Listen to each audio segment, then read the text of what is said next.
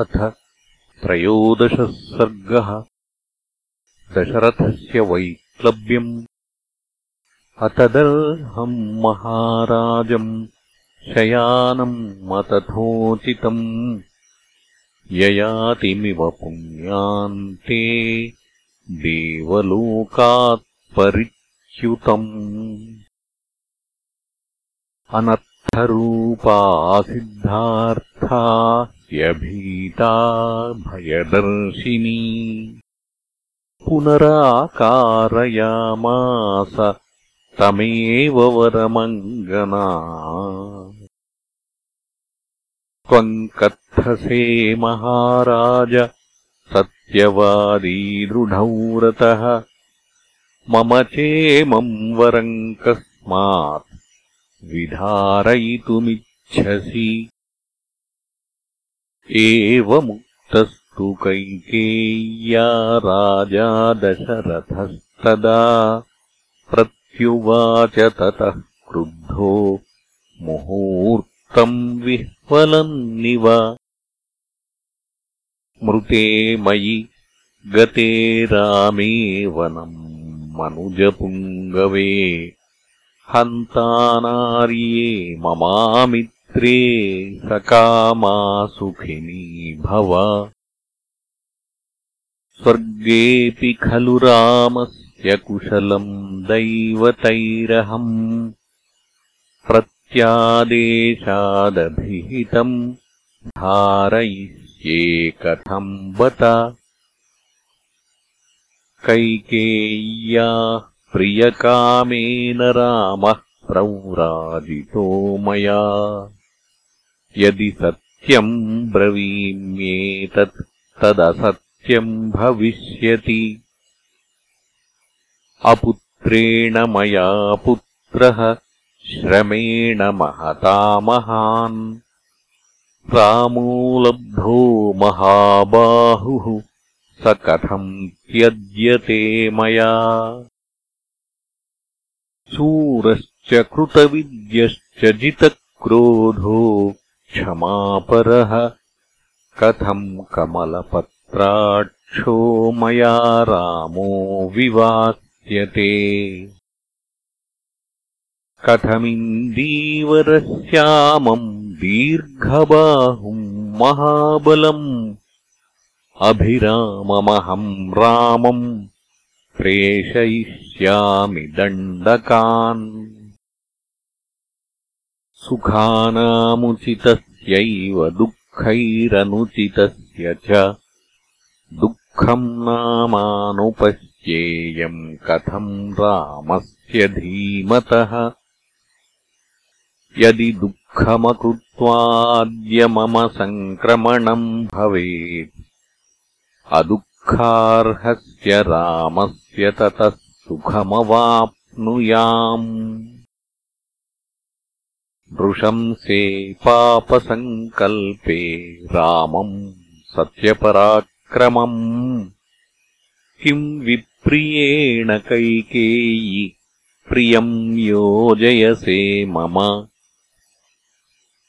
अकीर्तिरतुलालोके ध्रुवः परिभवश्च मे। तथा विलपतस्तस्य परिभ्रमितचेतसः अस्तमभ्यगमत्सूर्यो रजनी चाभ्यवर्तत सा प्रियामा तथार्तस्य चन्द्रमण्डलमण्डिता। राज्ञो विलपमानस्य नव्यभासत शर्वरी तथैवोष्णम् विनिश्वस्य वृद्धो दशरथो नृपः विललापात्तवद्दुःखम् गगनासक्तलोचनः न प्रभातम् त्वयेच्छामि निशेनक्षत्रभूषणे क्रियताम् मे दया भद्रे मयायम् रचितोऽञ्जलिः अथवागम्यताम् शीघ्रम् नाहमिच्छामि निर्घृणाम् नृशंसाम् कैकयीम् द्रष्टुम् यत्कृते व्यसनम् महत्।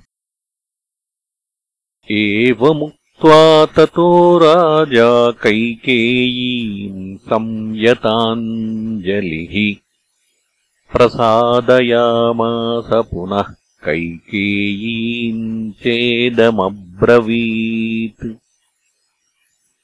साधुवृत्तस्य दीनस्य त्वद्गतस्य गतायुषः प्रसादः क्रियताम् देवि भद्रे राज्ञो विशेषतः। शून्येन खलु शुश्रोणिमयेदम् समुदाहृतम्। कुरु साधुप्रसादम् मे बाले सहृदया ह्यसि। प्रसीददेवि रामो मे त्वद्दत्तम् राज्यमव्ययम्। लभतामसितापाङ्गे यशः परमवाप्नुहि मम रामस्य लोकस्य गुरूणाम् भरतस्य च। प्रियमेतद्गुरुश्रोणि कुरु चारुमुखे क्षणे।